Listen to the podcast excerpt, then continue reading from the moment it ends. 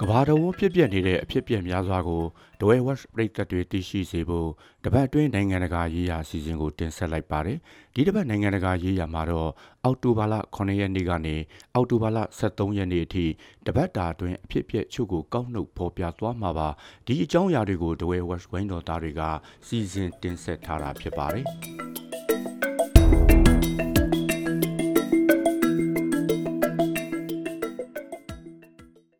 အစ္စရေးနဲ့ဟာမတ်စ်တို့အကြားပဋိပက္ခပြင်းထန်လာတဲ့အတွက်အမေရိကန်ဗြိတိန်နဲ့ဩစတြေးလျပါဝင်ကမ္ဘာတဝန်းမှာဂျူးဆက်ကျင်ရေးလှုပ်ရှားမှုတွေများပြားလာနိုင်တယ်လို့ခန့်မှန်းနေကြပါတယ်။အမေရိကန်ပြည်ထောင်စု Salt Lake City မှာဘုံခွဲတိုက်ခိုက်မယ်ဆိုတဲ့ချင်းချောက်မှုကိုပါကြုံတွေ့ခဲ့ကြရတာပါ။စိတ်လူးဝစ်မှာလည်းကုံကားပေါ်ကဂျူးဆက်ကျင်ရေးစာတမ်းတွေရေးသားခဲ့တဲ့အတွက်ရဲတွေကအရေးယူဆောင်ရွက်ခဲ့ရပါသေးတယ်။ ဗြိတိန်နိုင်ငံမှာတော့ပဋိပက္ခတွေစတင်ပြီး၄ရက်ထဲမှာဂျူးဆက်ကျင်ရဲ့လှုပ်ရှားမှုတွေဟာ300ရာခိုင်နှုန်းအထိမြင့်တက်ခဲ့တယ်လို့ Community Security Trust အဖွဲ့က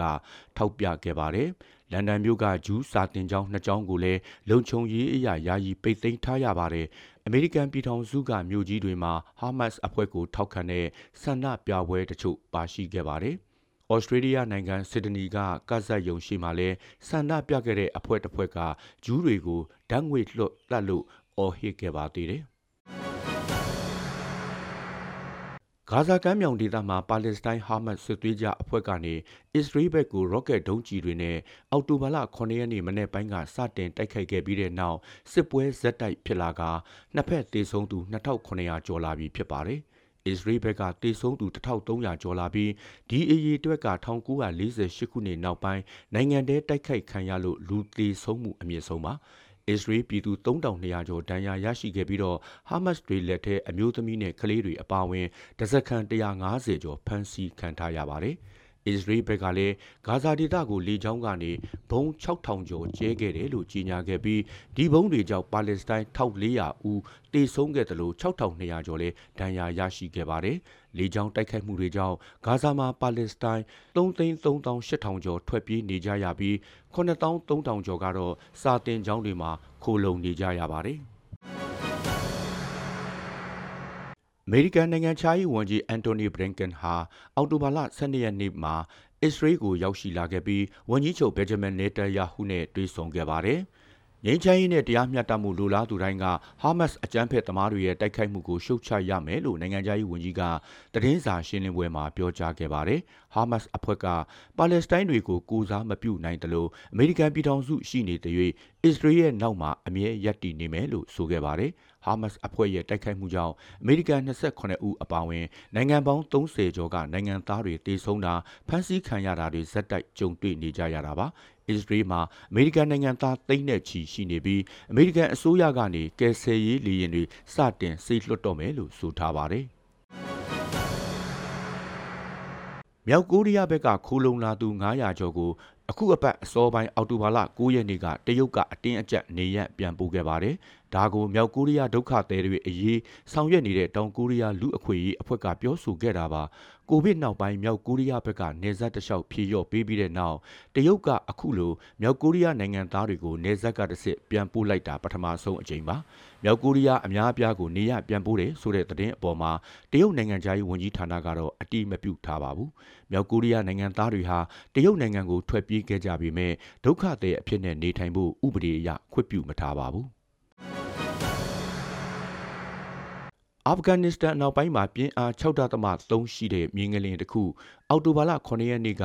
လှုပ်ခတ်ခဲ့တဲ့အတွက်လူ2000ကျော်တေဆုံးခဲ့ပြီး9000ကျော်ဒဏ်ရာရရှိခဲ့ပါတယ်။ငလျင်ကဟေရတ်မြို့အနောက်မြောက်ဘက်မိုင်20လောက်အကွာ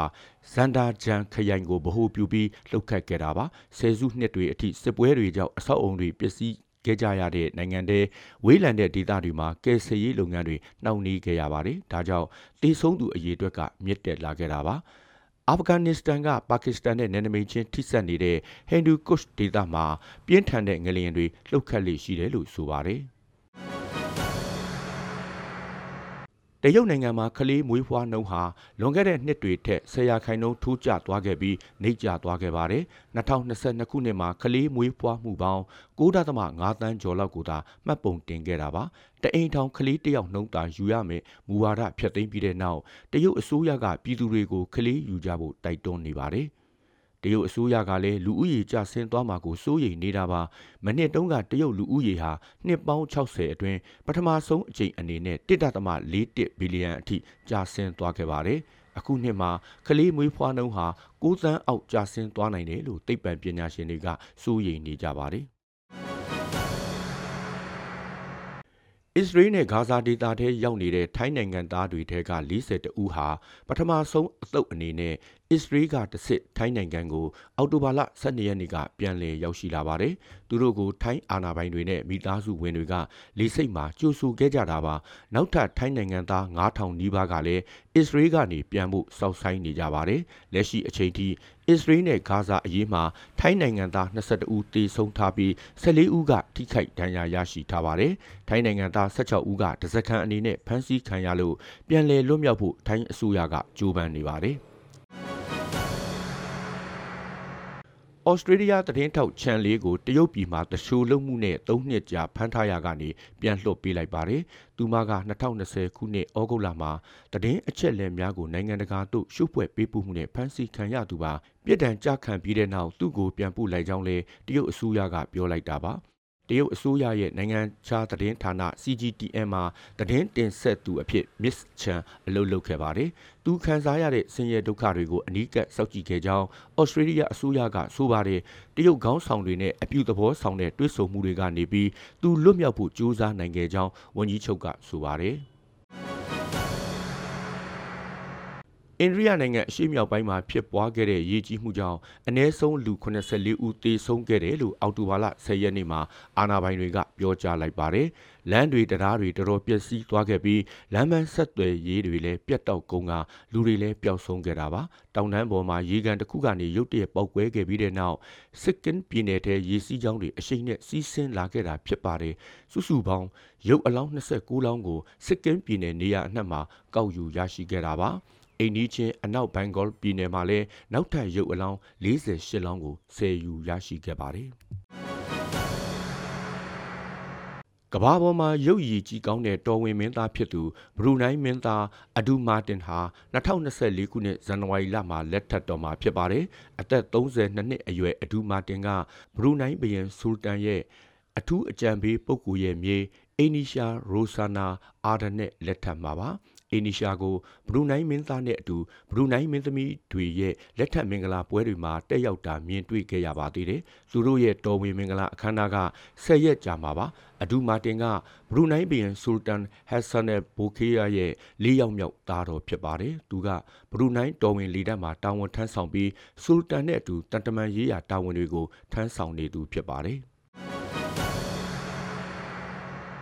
ရိသတ်ပေါင်းတို့စိတ်ရောကိုယ်ပါကျန်းမာချမ်းသာကြပါစေကြောင်းနဲ့ကပ်ဘေးအမျိုးမျိုးကနေအမြန်ဆုံးလွတ်မြောက်ကြပါစေကြောင်းဒဝေဝက်ဝိုင်းတော်သားတွေကစုမုံကောင်းတောင်းအပ်ပါတယ်။နောက်အပတ်မှာလည်းနိုင်ငံတကာရေးရာအစီအစဉ်ကိုစောင့်မျှော်အားပေးကြပါအောင်ခင်ဗျာ။ thank you